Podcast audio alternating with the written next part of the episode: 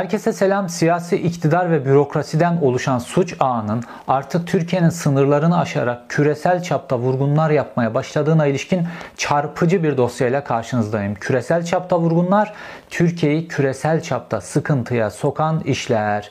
Biliyorsunuz Türkiye'nin Orta Doğu için kokain rotasında artık merkez olduğuna ilişkin pek çok uluslararası raporlarda çok önemli veriler var. Fakat Güney Amerika üzerinden Orta Doğu'ya giden kokainde doğrudan Batı ülkeleri hedef olmadığı için Türkiye'nin üzerinde çok yoğun biçimde bir baskı söz konusu değil. Bunu iktidar keşfettikten sonra vurgunlarda da rotayı Orta Doğu'ya doğru çevirdi ve aşırı dindar hükümetimiz Orta Doğu'daki Müslüman kardeşlerini soymaya başladı. Karşınızda 500 milyon dolarlık, minimum 500 milyon dolarlık bir Müslüman kardeşler soygunu dosyasıylayım. Bu dosyanın içerisinde Berat Albayrak var. Bu dosyanın içerisinde Süleyman Soylu var. Bu dosyanın içerisinde Ticaret Bakanı Mehmet Muş var. Cumhurbaşkanının bir danışmanı var ve Sarallar mafya grubu var. İşte bu farklı grupların hepsi bir araya gelip bu 500 milyon dolarlık vurgunda birlikte hareket ettiler ve birlikte bu suça bulaştılar ve şimdi de İstanbul Cumhuriyet Başsavcılığı ayağında bu suça bir ortaklık söz konusu. Bu suçun bütün detayları, devletin elindeki raporlar, devletin elindeki belgeler, konuya taraf olan ülkelerin Türkiye'ye gönderdiği raporlar, belgeler, dosyalar, dolandırılan şirketler, dolandırılan insanlar hepsiyle ilgili somut belgeleri bulacağınız yine bilgi dolu, yine dop dolu bir dosyayla karşınızdayım.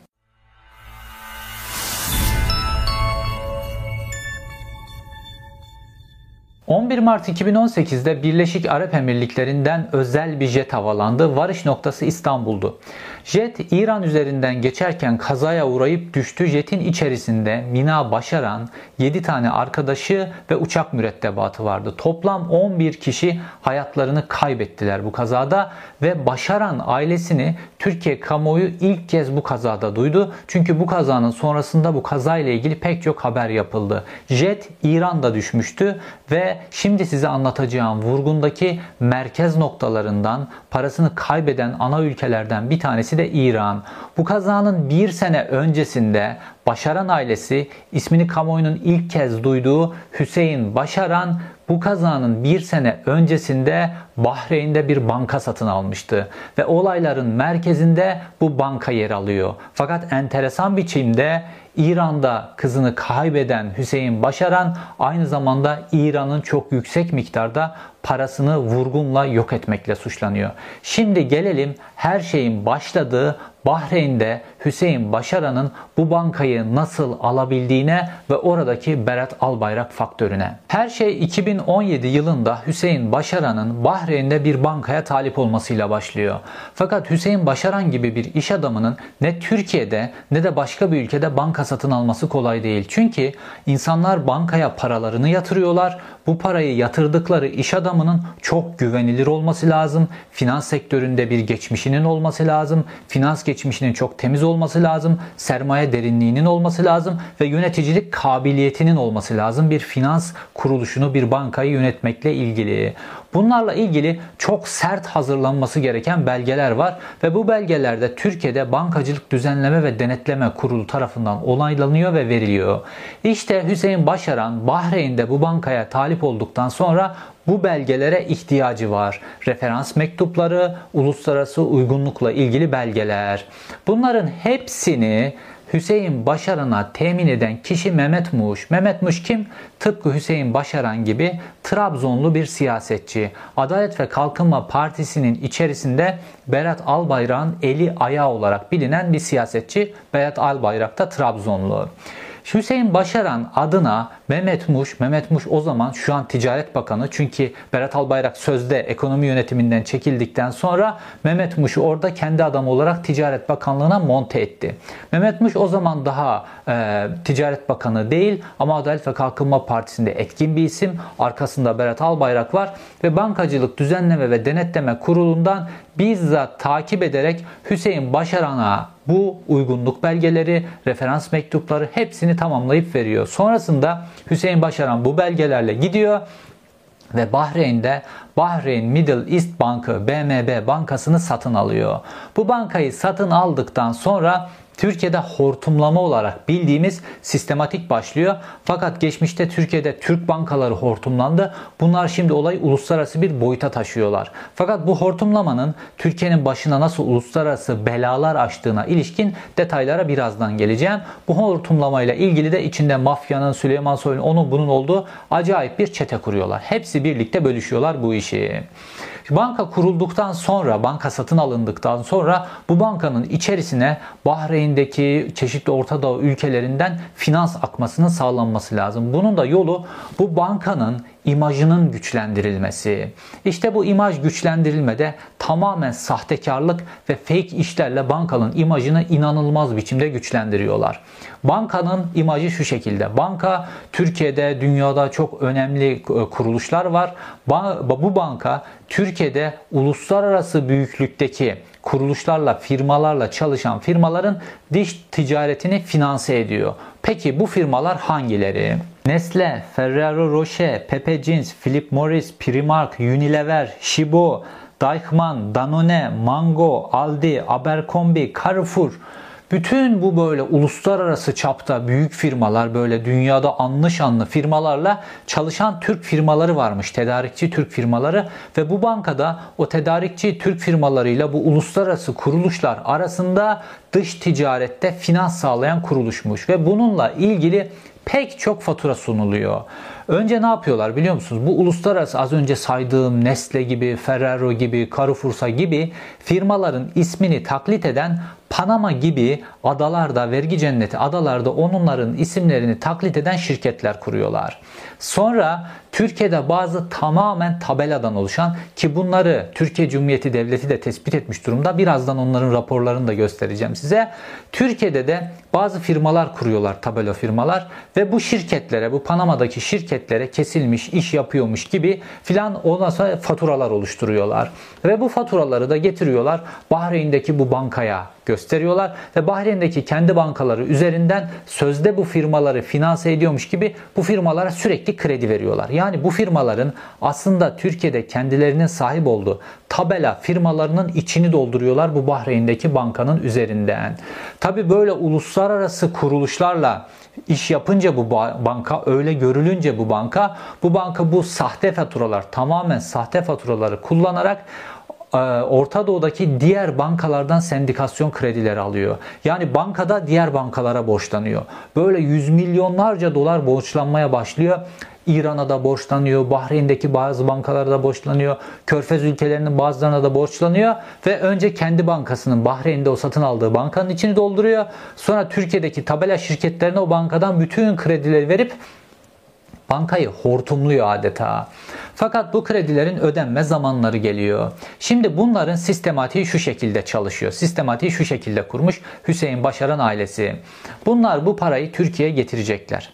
Türkiye'ye getirdikten sonra bu parayı kendi işlerinde kullanacaklar ve Türkiye'de de rant çok. Ondan sonra Türkiye'de bu para üzerinden çok fazla kar elde edecekler. O kredileri, sendikasyon kredilerini çok düşük orada faizler.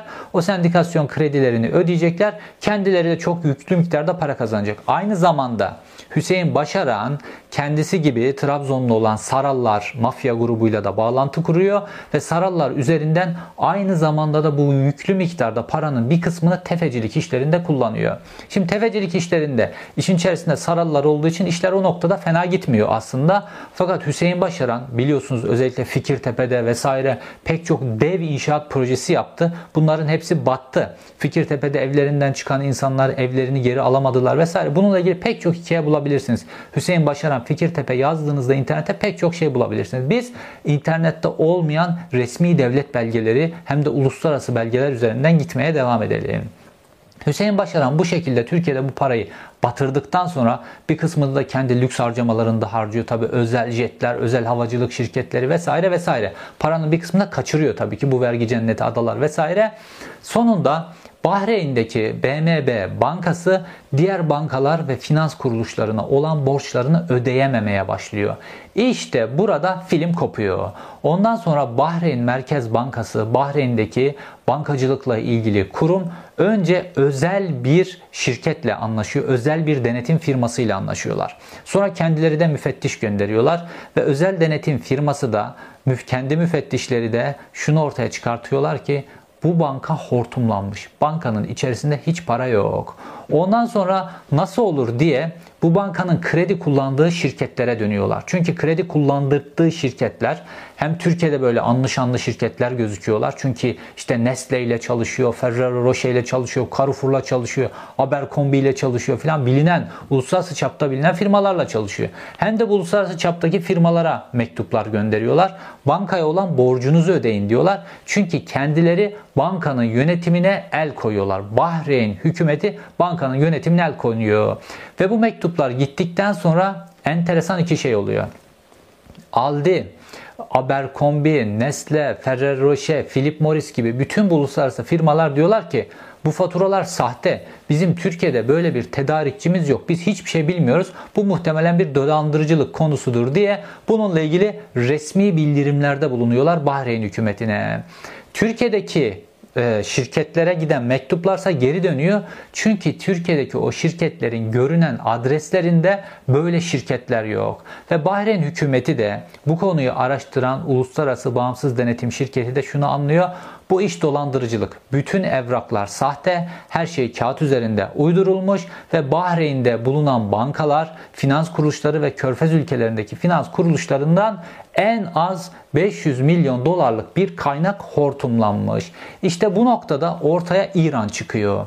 İran'ın da bu bankada 170 milyon dolar parası olduğu ortaya çıkıyor ve İran da bu bankaya bu parasını koymuş ve İran'ın parası da ortada yok. İran Bahreyn hükümetinden bu parayı istiyor. Bahreyn hükümeti Türkiye'den bu parayı istiyor. Olay uluslararası bir krize dönüşüyor. Fakat Olay çözülemeyince ondan sonra İstanbul'da mahkemelere taşınıyor konu ve mahkemelere taşındığı noktadan itibaren de mahkemelere belge yağıyor. Çünkü her şey belgeli. Bütün çalınan paralar, her şey, sahte faturalar, o bu, kim, hangi şirkete, nereye para gönderilmiş vesaire sürekli olarak Türkiye'deki Türkiye'deki savcılığa belgeler akmaya başlıyor. Fakat bu noktada enteresan işler olmaya başlıyor. Şimdi size Türkiye'nin dış temsilciliklerinden bir tanesinden gönderilen bu konuyla ilgili bir bilgi notu okuyacağım. Türkiye'nin dış temsilciliğinin bu bilgi notunu neden Türkiye'ye gönderdiğini kısmına bunun nedenine birazdan geleceğim. Şimdi Türkiye'nin dış temsilciliği devletin elinde bulunan resmi bilgilendirme notunda şöyle diyor.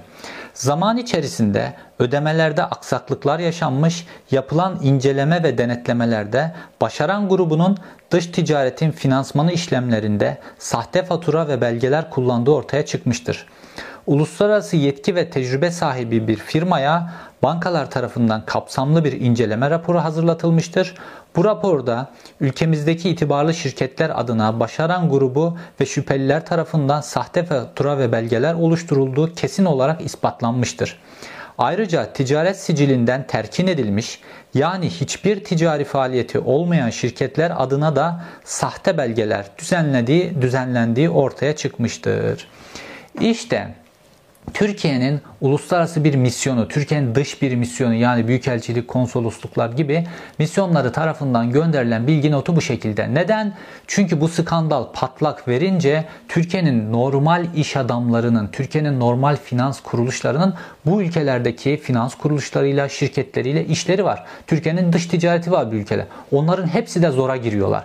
Yani gerçek tüccarlar, gerçek finans kuruluşları zora girerken bu vurguncular parayı götürüyorlar. Dolayısıyla Türkiye'nin dış temsilciliği de bu konuyu araştırıyor. Üzerindeki o ülkelerin baskısı nedeniyle araştırıyor ve Türkiye'ye böyle bir bilgi notu gönderiyor. Bilgi notunda birazdan bu bilgi notuna yine geri döneceğiz. Bütün vurgun aslında bütün detaylarıyla anlatılıyor. Yani devletin elinde bütün detaylar var vurgunla ilgili. Fakat olay bir türlü çözülemeyince hükümet bu konuda bir e, adım atmayınca, bir irade göstermeyince bu sefer İran Bahreyn hükümeti, vurgun yapılan bankalar, kredi kuruluşları geliyorlar İstanbul Cumhuriyet Başsavcılığında bir dava açıyorlar. Ne zaman? 2020 yılında bir dava açıyorlar ve 2 yıldır bu davada hiçbir gelişme yaşanmıyor fakat enteresan skandallar yaşanıyor. Onlara da birazdan geleceğiz. Bu davayı açtıktan sonra çok enteresan bir şey oluyor. Bankanın yönetim kurulu başkan vekili yani Hüseyin Başaran'ı, patron Hüseyin Başaran'ı bankada temsil eden kişi itirafçı oluyor. Fakat itiraflarında öyle şeyler söylüyor ki Adalet ve Kalkınma Partisi iktidarını bu işin içerisine öyle bir sokuyor ki işte İstanbul Cumhuriyet Başsavcılığında adeta bomba patlıyor. Bankanın yönetim kurulu başkan vekili Murat Solak İstanbul Cumhuriyet Başsavcılığına gidiyor. Çünkü Bahreyn, İran pek çok uluslararası firma suç duyurusunda bulunmuş ve bütün delilleri sermişler İstanbul Cumhuriyet Başsavcılığı'nın önüne ve suçlanan kişilerden bir tanesi de kendisi paniğe kapılıyor ve İstanbul Cumhuriyet Başsavcılığına gidiyor ve diyor ki ben etkin pişmanlıktan yararlanmak istiyorum, ceza indiriminden yararlanmak istiyorum, savcılıkla işbirliği yapmak istiyorum ve bütün bildiklerimi anlatacağım diyor. Ve baş başlıyor. Dosyanın ilk savcısına, savcı üç kere değişeceğiz, değişecek birazdan anlatacağım nedenlerini. Dosyanın ilk savcısına bildiği her şeyi anlatıyor. Savcı da uzun uzun notlar tutuyor. Sonrasında Murat Solak oradan ayrılıyor. Çünkü savcı diyor ki seni tekrar çağıracağız. Dosyayla ilgili tekrar konuşacağız diyor. Fakat sonrasında savcı değişiyor. Yeni savcı Murat Sola hiçbir zaman çağırmıyor ve o ilk savcı da o tuttuğu uzun uzun notların hiçbir tanesini tutanaklara resmi ifade olarak geçirmiyor. Çünkü olayın içerisine siyasetçilerin isminin de karıştığı çok net. Aradan geçiyor bir yıl neredeyse. Bu sefer Murat Solak 2021 yılının Aralık ayında bu kez yanına avukatını da alarak tekrar gidiyor İstanbul Cumhuriyet Başsavcılığına, ilgili savcının odasına ve bu sefer savcının odasına adeta bombanın pimini çekip bırakıyor. Ve bu sefer her şeyi avukatının da huzurunda çok açık biçimde anlatıyor ve o dönem artık Mehmet Muş Ticaret Bakanı olmuş. Hatırlarsanız e, Ruslar Pekcan diye bir Ticaret Bakanı vardı. Kendisi pek çok yolsuzluğa karışmıştı bu korona döneminde vesaire. Onun yerine Mehmet Muş'u getirdiler. Mehmet Muş daha uluslararası boyutta yolsuzluklar yapabildiği için herhalde daha kabiliyetli olduğu için onu getirdiler.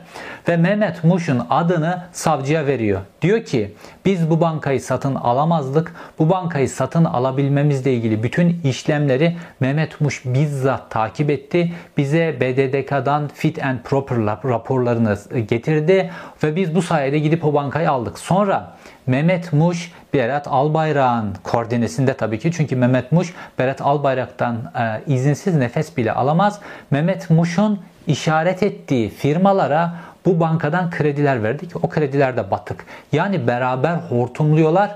Müslüman Arap kardeşlerinin paralarını beraber hortumluyorlar.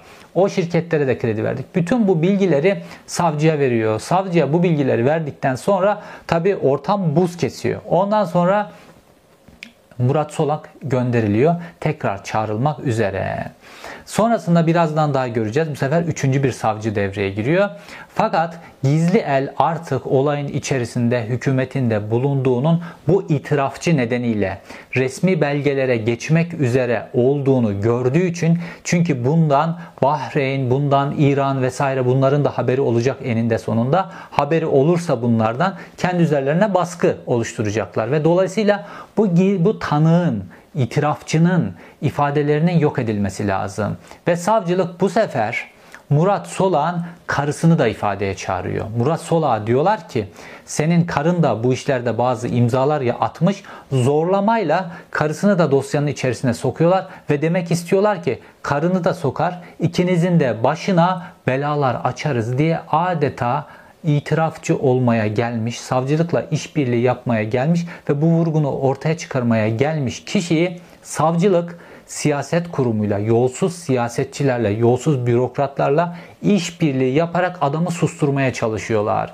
Ve ondan sonra artık tamamen gizli devreye giriyor ve bu gizli devreye girdikten sonra da soruşturmanın seyri tamamen değişiyor. Şimdi gelelim bu gizli ele ve bu gizli elin yaptıklarına. Önce bir oyalama stratejisi devreye sokuluyor. Çünkü bu oyalama stratejisinin bir ayağında da Türkiye Cumhuriyeti'nin kurumları oluşacağı için bu oyalama stratejisi çerçevesinde Hüseyin Başaran yetkili adamlarını gönderiyor ve bütün bu alacaklı uluslararası bankalar ve finans kuruluşlarıyla hepsiyle bir anlaşma metni imzalıyor ve kabul ediyor. Diyor ki benim size 500 milyon dolar borcum var ve bu 500 milyon doları şu takvimde ödeyeceğim.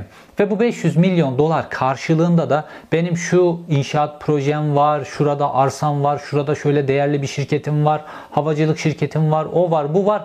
Böyle bir liste sunuyor ve bu listelerin karşısında da değerleri de yazıyor. İşte bunları ekranda görüyorsunuz bütün bu belgeleri ve bu anlaşma metnini. Hüseyin Başaran bu şekilde anlaşma metnini imzalıyor ve bütün borcunu yani bu bankayı hortumladığını, kendi imzasıyla kabul ediyor. Ne kadar hortumladığını kabul ediyor? 500 milyon dolar. Fakat bunun daha yüksek olduğuna, bunun çok daha yüksek olduğuna ve artık Avrupa'ya da uzanan kısmı olduğu kısmına birazdan geleceğim. Alacaklı bankalar aynı zamanda da bu uluslararası denetim şirketleriyle de çalışmaya devam ediyorlar ve bu şirketler hakikaten bu malların arkasında Hüseyin Başaran var mı? Bunlar hakikaten bu kadar değerli mi?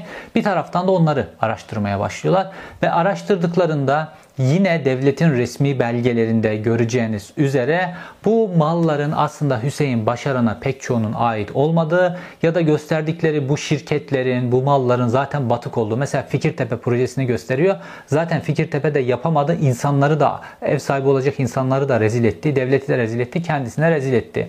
Bunları görüyorlar. Fakat normalde Hüseyin Başaran resmen uluslararası boyutta bu 500 milyon dolar vurgunu hortumlamayı kabul etmiş durumda.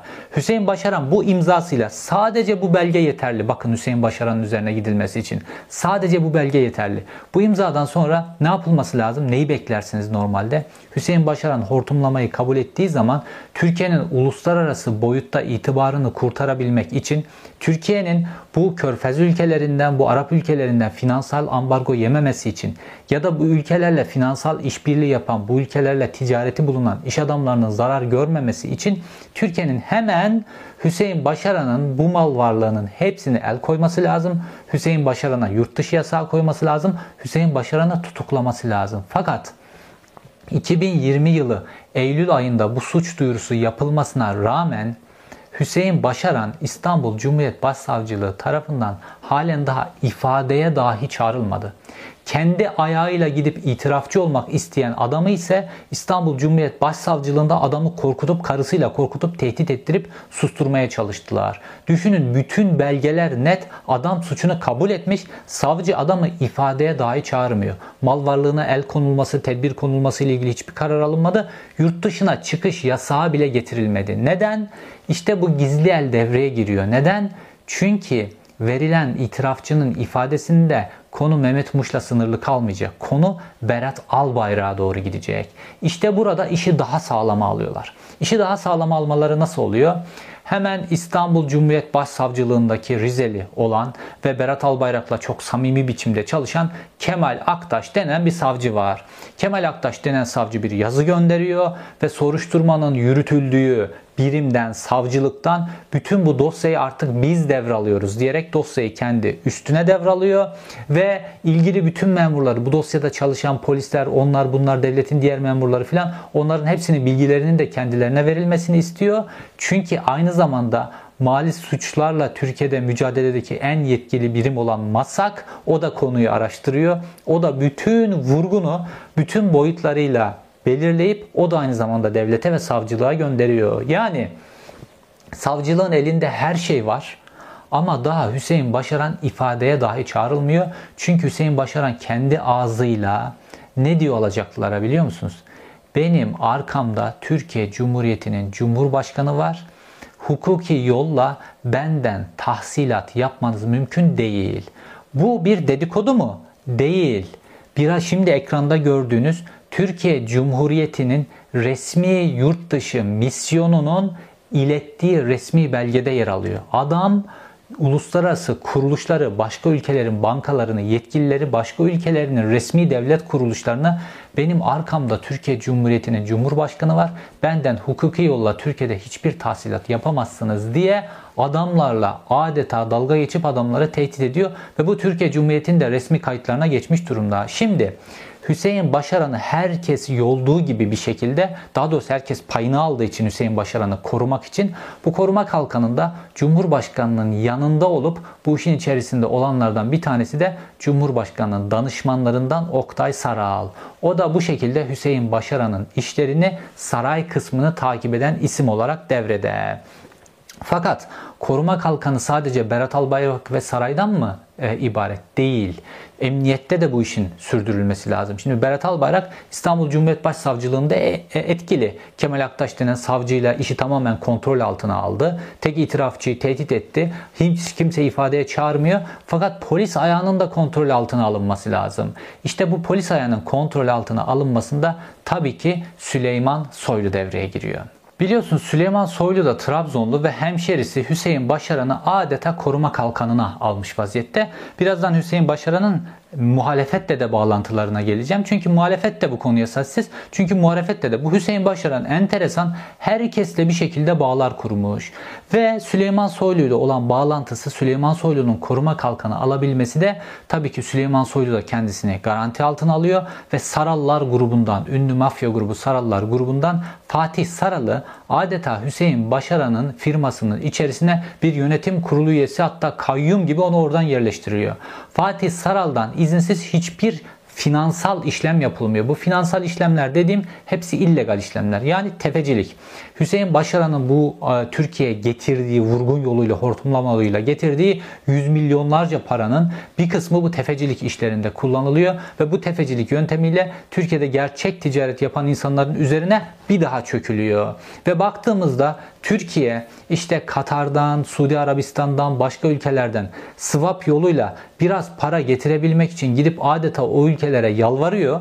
Fakat Hüseyin Başaran denen bir adam bu ülkelerin yüz milyonlarca dolarının üzerine yatmış ve Türkiye'nin bu ülkelerdeki finansal itibarını yerle bir ediyor. Türkiye finansal ambargo yemekle karşı karşıya kalıyor. Fakat bu adamın ifadesini dahi almıyorlar. Ne savcılıkta ne polis gidip bu adamın ifadesini alıyor ne polis bu adamın telefonlarını dinlemeye alıyor ne de polis bu dosyayla ilgili çalışıyor. Çünkü Süleyman Soylu Hüseyin Başaran'ı ilerideki siyasi hedeflerinde çok önemli bir finans kaynağı olarak pozisyonlandırmış durumda ve Sezgin Baran Korkmaz meselesinde Süleyman Soylu'nun bütün skandalları ortaya çıkmasına rağmen Buna rağmen dahi Süleyman Soylu Hüseyin Başaran konusunda elini üzerinden koruma kalkanını üzerinden çekmiyor. Hiçbir biçimde çekinmiyor. E Süleyman Soylu arkasında olunca, Berat Albayrak arkasında olunca, Oktay Saral Cumhurbaşkanı'nın baş danışmanı Oktay Saral üzerinden Tayyip Erdoğan da bağlanınca Hüseyin Başaran da artık bu paraların üzerine çok rahat yatıyor. Artık Türkiye'de dokunulmaz bir pozisyonda. Fakat olayların hukuki yolla çözülemeyeceği, çözülemeyeceği anlaşılınca tabii ki bu Bahreyn'de,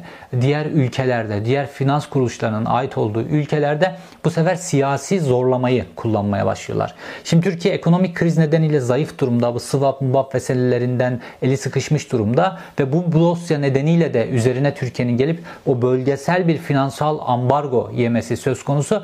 Böyle olunca Türkiye şantaja açık bir ülke haline geliyor. Şimdi anladınız mı? Cemal Kaşıkçı dosyasında Tayyip Erdoğan'ın Prens Salman'a neden geri adım attığını. Çünkü Prens Salman Türkiye'ye geldiğinde çantasında bu dosyayla geliyor. Çünkü Bahreyn hükümeti Suudi Arabistan'ın küçük kardeşi pozisyonunda Prens Salman'a gidiyorlar. Prens Salman'a bütün belgeleri veriyorlar ve Prens Salman Türkiye'ye geldiğinde bu meselenin çözülmesini istiyor. Şimdi Tayyip Erdoğan'ın elinde eğer Cemal Kaşıkçı dosyası Prens Salman'a karşı kullanmak için bir kozsa Prens Salman da Türkiye'ye başka bir kozla geliyor. 500 milyon dolarlık içinde Türkiye'nin bütün siyasetçilerinin neredeyse bulunduğu bir vurgun dosyası ve Tayyip Erdoğan'ın damadına yürüyecek bir vurgun dosyası. İşte bu vurgun dosyasıyla gelince ondan sonra Cemal Kaşıkçı davası buhar oldu. Türkiye Cemal Kaşıkçı davasını prens katil olarak suçlanıyor.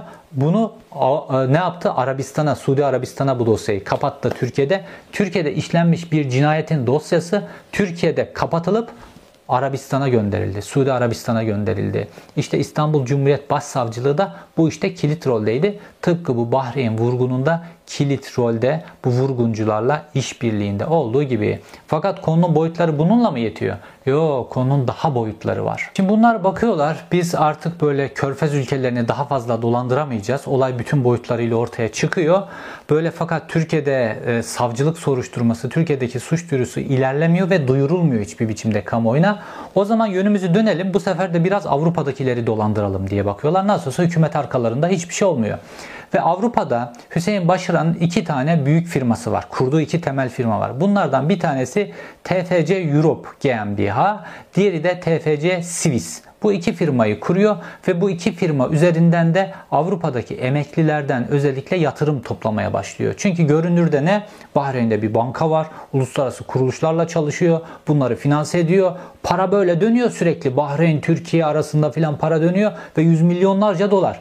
Dolayısıyla bu belgelere dayanarak Avrupa'dan yatırım toplamaya başlıyorlar. İşte daha önce anlattım Ahmet Nazari dosyasında olduğu gibi call center'lar vesaire vesaire. Artık ayağa düşmüş bu işler ve Avrupa'dan da önemli miktarda yatırım çekerek bu paraları da kaçırıyorlar. Şimdi Avrupa'daki yatırımcılar da suç duyurusunda bulunmuş durumda. Yani ortada aslında Sezgin Baran Korkmaz hadisesinden çok daha büyük bir hadise var neredeyse. Fakat burada uluslararası suç duyuruları yapılmış, Türkiye'de dava açılmaya çalışılmış, Türkiye'nin Körfez ülkelerinden, Arap ülkelerinden finansal ambargo yemesi söz konusu vesaire ve Cemal Kaşıkçı dosyası burada adeta bir şantaj unsuru olarak kullanılıp verilmek durumunda kalmış. Pek çok şey var. Avrupa boyutu da var. Muhalefet işin içerisinde hiç yok. Çünkü Hüseyin Başaran'ın muhalefetle de bağlantıları var. Hüseyin Başaran'ın kızının cenazesindeki fotoğraflara bakmanıza yeterli.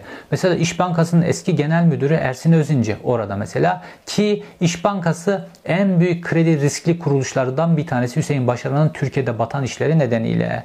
Bakıyorsunuz Kemal Kılıçdaroğlu da onun cenazesinde. E, bütün bu olaylar bu şekilde açık yani. Bu belgeler devletin elindeki belgelerden söz ediyorum. Ve devletin elindeki belgeler aynı zamanda Cumhuriyet Halk Partisi'nin de, İyi Parti'nin de vesaire bunların hepsinin dış ilişkilerle ilgili genel başkan yardımcıları onları bunları var. Bunların bu hadisenin üzerine en az Sezgin Baran Korkmaz hadisesi kadar gitmesi gerekmiyor mu? Fakat onlar da gitmiyorlar. Adeta muhalefet sus buz Türkiye'nin itibarı uluslararası boyutta iki paralık olmuş durumda. Bakın Türkiye artık öyle bir hale getirildi ki Türkiye'nin bulaştığı yolsuzluklardan Araplar yaka silkiyor. Düşünün. Hani Türkiye'den bazı Türkiye'den bazı isimler Avrupa'da böyle dolandırıcılık işlerine girerdi. Avrupa'dan bununla ilgili baskı gelirdi filan Batı ülkelerinden filan. Ama yolsuzluk dediğinizde esas olarak Orta Doğu ülkeleri filan bu diktatörlüğün tam oturduğu ülkeler anılırdı. Fakat işin enteresan tarafına bakın ki Türkiye öyle bir hale geldi ki bu Orta Doğu ülkeleri bize dolandırdınız diye Türkiye'ye gelip şikayet dilekçesinde bulunuyorlar. Türkiye uluslararası boyutta Orta Doğu ülkelerinin dolandırıcılıktan yaka silktiği bir ülke haline geliyor. Fakat muhalefet buna sessiz. Muhalefet bu konuyu hiçbir biçimde gündeme getirmiyor. İktidarda zaten üzerine beton dökme konusunda son derece mahir. Şimdi gelelim Olayın bir de İran boyutu var. İran boyutundan birkaç konuyu özellikle gündeme getirmek gerekiyor. Hüseyin Başaran'ın Bahreyn'de sahibi olduğu BMB bankasıyla İran arasında oldukça girift ilişkiler var ve bu yakında Türkiye'yi uluslararası boyutta da bazı sıkıntılara sokabilir. Şimdi baktığımızda İran Bahreyn'de bulunan parasından 170 milyon dolar kadarını götürüp bu Hüseyin Başaran'ın bankasına yatırıyor. Neden? Çünkü İran'ın bazı böyle uluslararası boyutta para çevirmekle ilgili geçmişte yaşadığı sıkıntılar vardı Amerikan ambargosu nedeniyle. Anlaşılan Türkiye'de nasıl Halk Bankası'nı kullanıp Halk Bankası'nın başını belaya soktularsa şimdi Amerika'da Halk Bankası 10 milyar dolara yakın ceza yemekle ilgili adeta bir rehin durumdaysa ve iktidarın e, adeta şantajı açık durumdaysa iktidar Adalet ve Kalkınma Partisi iktidarı uluslararası boyutta Aynı şekilde Bahreyn'deki bu banka da anlaşılan İran'la bu tip girift ilişkiler içerisine girmiş ve bunların çok yakın dönemde Türkiye kamuoyunun gündemine gelme ihtimali var. Fakat İran kaybolan parasından bu 170 150 170 milyon dolar arasındaki kısmı Bahreyn'den istiyor. Bahreyn Türkiye'den istiyor. İran bunu öğrenince İran da Türkiye'den istiyor. İşte ekranlarınızda zaten gördünüz. İran'la ilgili İran'ın Türkiye'ye gönderdiği resmi belgeler, resmi başvurular bununla ilgili bütün uluslararası boyuttaki dokümanlar var.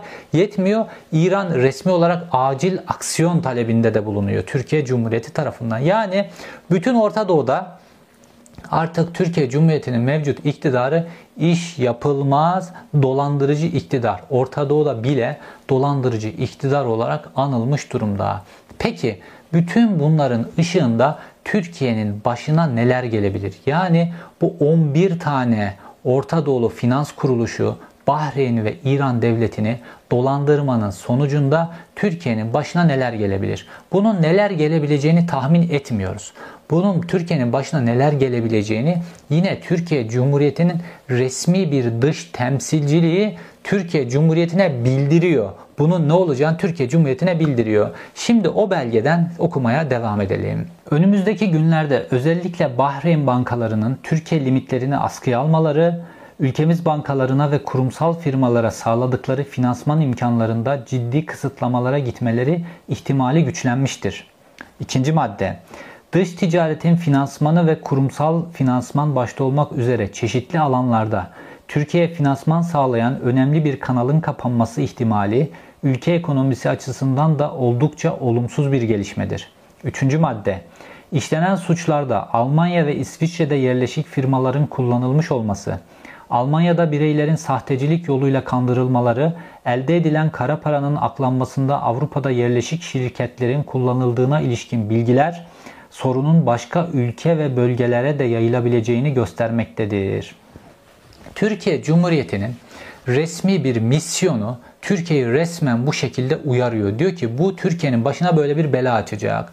Fakat kendilerinin umrunda mı? Başına bela açılacak, başı derde girecek, işleri zorlaşacak olanlar Türkiye Cumhuriyeti'nin dürüst bankaları, Türkiye Cumhuriyeti'nin dürüst iş adamları, ithalat, ihracat yapan iş adamları ve Türkiye Cumhuriyeti'nin finansal kuruluşları, buna Merkez Bankası da dahil finansal kuruluşları, bu iktidarın, bu yolsuz bakanların, bu yolsuz savcıların, bu iş adamlarının kendileri, kendi cepleri, kendi aileleri bunlar bir belaya girecek mi? Yok. Çünkü kimse gündeme getirmiyor ki. Muhalefet dahi gündeme getirmiyor. Savcılar üzerine gitmiyor, polisler üzerine gitmiyor, muhalefet de gündeme getirmiyor. Kimse de konuşmuyor. E sonrasında yaşanacak bu etkilerin, bu adı konulmamış ambargoların, Türkiye'nin iş adamlarının herhangi birinin bu ithalatta, ihracatta, finansmanda bu ülkelerle sorun yaşaması ne demek biliyor musunuz? Türkiye Cumhuriyeti'nde birilerinin işini kaybetmesi demek. Bu iş hacmi daralırsa Türkiye'nin en çok ithalat yaptığı ülkeler, ihracat yaptığı ülkeler körfez ülkeler özellikle gıda vesaire başka maddelerle ilgili de. E bunlarla bu işlerde zora girerse kim kaybedecek burada? Türkiye'de çalışan işçiler işlerini kaybedecekler. Türkiye'deki gerçek iş adamları zora girecek. Fakat bunların umrunda değil. Bunlar kendi tefeciliklerine bakıyorlar. Artık Türkiye'deki bankaların hortumlanması ki böyle zorla Türkiye'deki kamu bankalarına zorla bunun adı da bir, bir çeşit hortumlamadır. Kendilerine yakın şirketlere çok ucuz krediler veriyorlar kendilerine yakın finans kuruluşlarına çok ucuz dolar satıyorlar. İşte 128 milyar doların buhar olması hikayesi. Bunları zaten biliyorsunuz. Şimdi yetmedi. Bu dindar hükümet Gidiyor Müslüman kardeşlerini çünkü Avrupa'da bu işleri yapmak biraz zor. Gidip Müslüman kardeşlerinin bankalarını hortumluyor ve bunu hortumlayabilmeleri için de normalde Bahreyn Merkez Bankası ile Türkiye'deki Bankacılık Düzenleme ve Denetleme Kurulu arasında mutabakat metni var. Yani iki Müslüman ülke kabul etmiş demiş ki sen bir adama güvenilir adam bu tür bir bu adam benim ülkemde finansal işlem yapabilir, finans kuruluşu kurabilir diye belge verirsen ben bunu kabul edeceğim demiş. Yani iki ülke arasında mutabakat metni var ve bunu kullanarak ne yapıyorlar? Bu yolsuz, hırsız iş adamına bu belgeleri veriyorlar ve Bahreyn'de bu bankaları alıyor. Sonra da sahte faturalarla bu bankalar bu banka çok iyi şirketlerle çalışıyormuş gibi tamamen sahte uyduruk belgelerle Arap ülkelerindeki diğer bankalardan buraya finans çekip bunu hortumlayıp Türkiye'ye getiriyorlar ve suç duyurusuna rağmen Türkiye Cumhuriyeti'nin bir dış misyonunun bu size okuduğum resmi belgesine rağmen MASA'nın bütün her şeyi belgeleyen raporuna rağmen ve itirafçı beyanına rağmen ve Bahreyn ve İran'ın gösterdiği gönderdiği bütün net belgelere rağmen 15 Eylül 2020'de İstanbul Cumhuriyet Başsavcılığına bu suç duyurusu yapıldı. Bütün bu buz gibi belgelere rağmen 2 yıl geçti üzerinden daha Hüseyin Başaran'ı ifade için İstanbul Cumhuriyet Başsavcılığındaki görevli son savcı, 3 kere savcı değişti. Son savcı Kemal Aktaş ki 28 Haziran'da dosyayı üzerine aldı böyle adeta ultimatum gibi bir yazıyla hala 2 yılı aşkın zamandır ifadeye dahi çağırmadılar Hüseyin Başaran'ı. Neden? İşte Hüseyin Başaran ne diyor? Tıpkı Bahreyn'e, İran'a dediği gibi benim arkamda Cumhurbaşkanı var diyor. Ben onu satın aldım zaten diyor. Dolayısıyla Türkiye'de hiçbir şey yapamazsınız diyor. E şimdi arkasında Cumhurbaşkanı olunca bu savcılar da herhalde onu görüyorlar ki onlar da ifadeye çağrılmıyor. Ve Türkiye Cumhuriyeti böyle rezil bir pozisyona Orta Doğu coğrafyasında dahi düşüyor. Şimdi Tayyip Erdoğan hayalleri vardı ya halife olacaktı Tayyip Erdoğan'ın hayalleri. İşte Büyük Orta Doğu projesi var. Bu Büyük Orta Doğu projesinin yine kendi adamları söylüyorlar. Ee, hatırlarsanız Kadir Mısıroğlu açık açık anlatmıştı Kadir Mısıroğlu. Ben de Orta Doğu projesinin e, Büyük Orta Doğu projesinin e, rapor verenlerinden bir tanesiyim diyor. Hatta o raporu gösteriyor da böyle bir sohbetinde.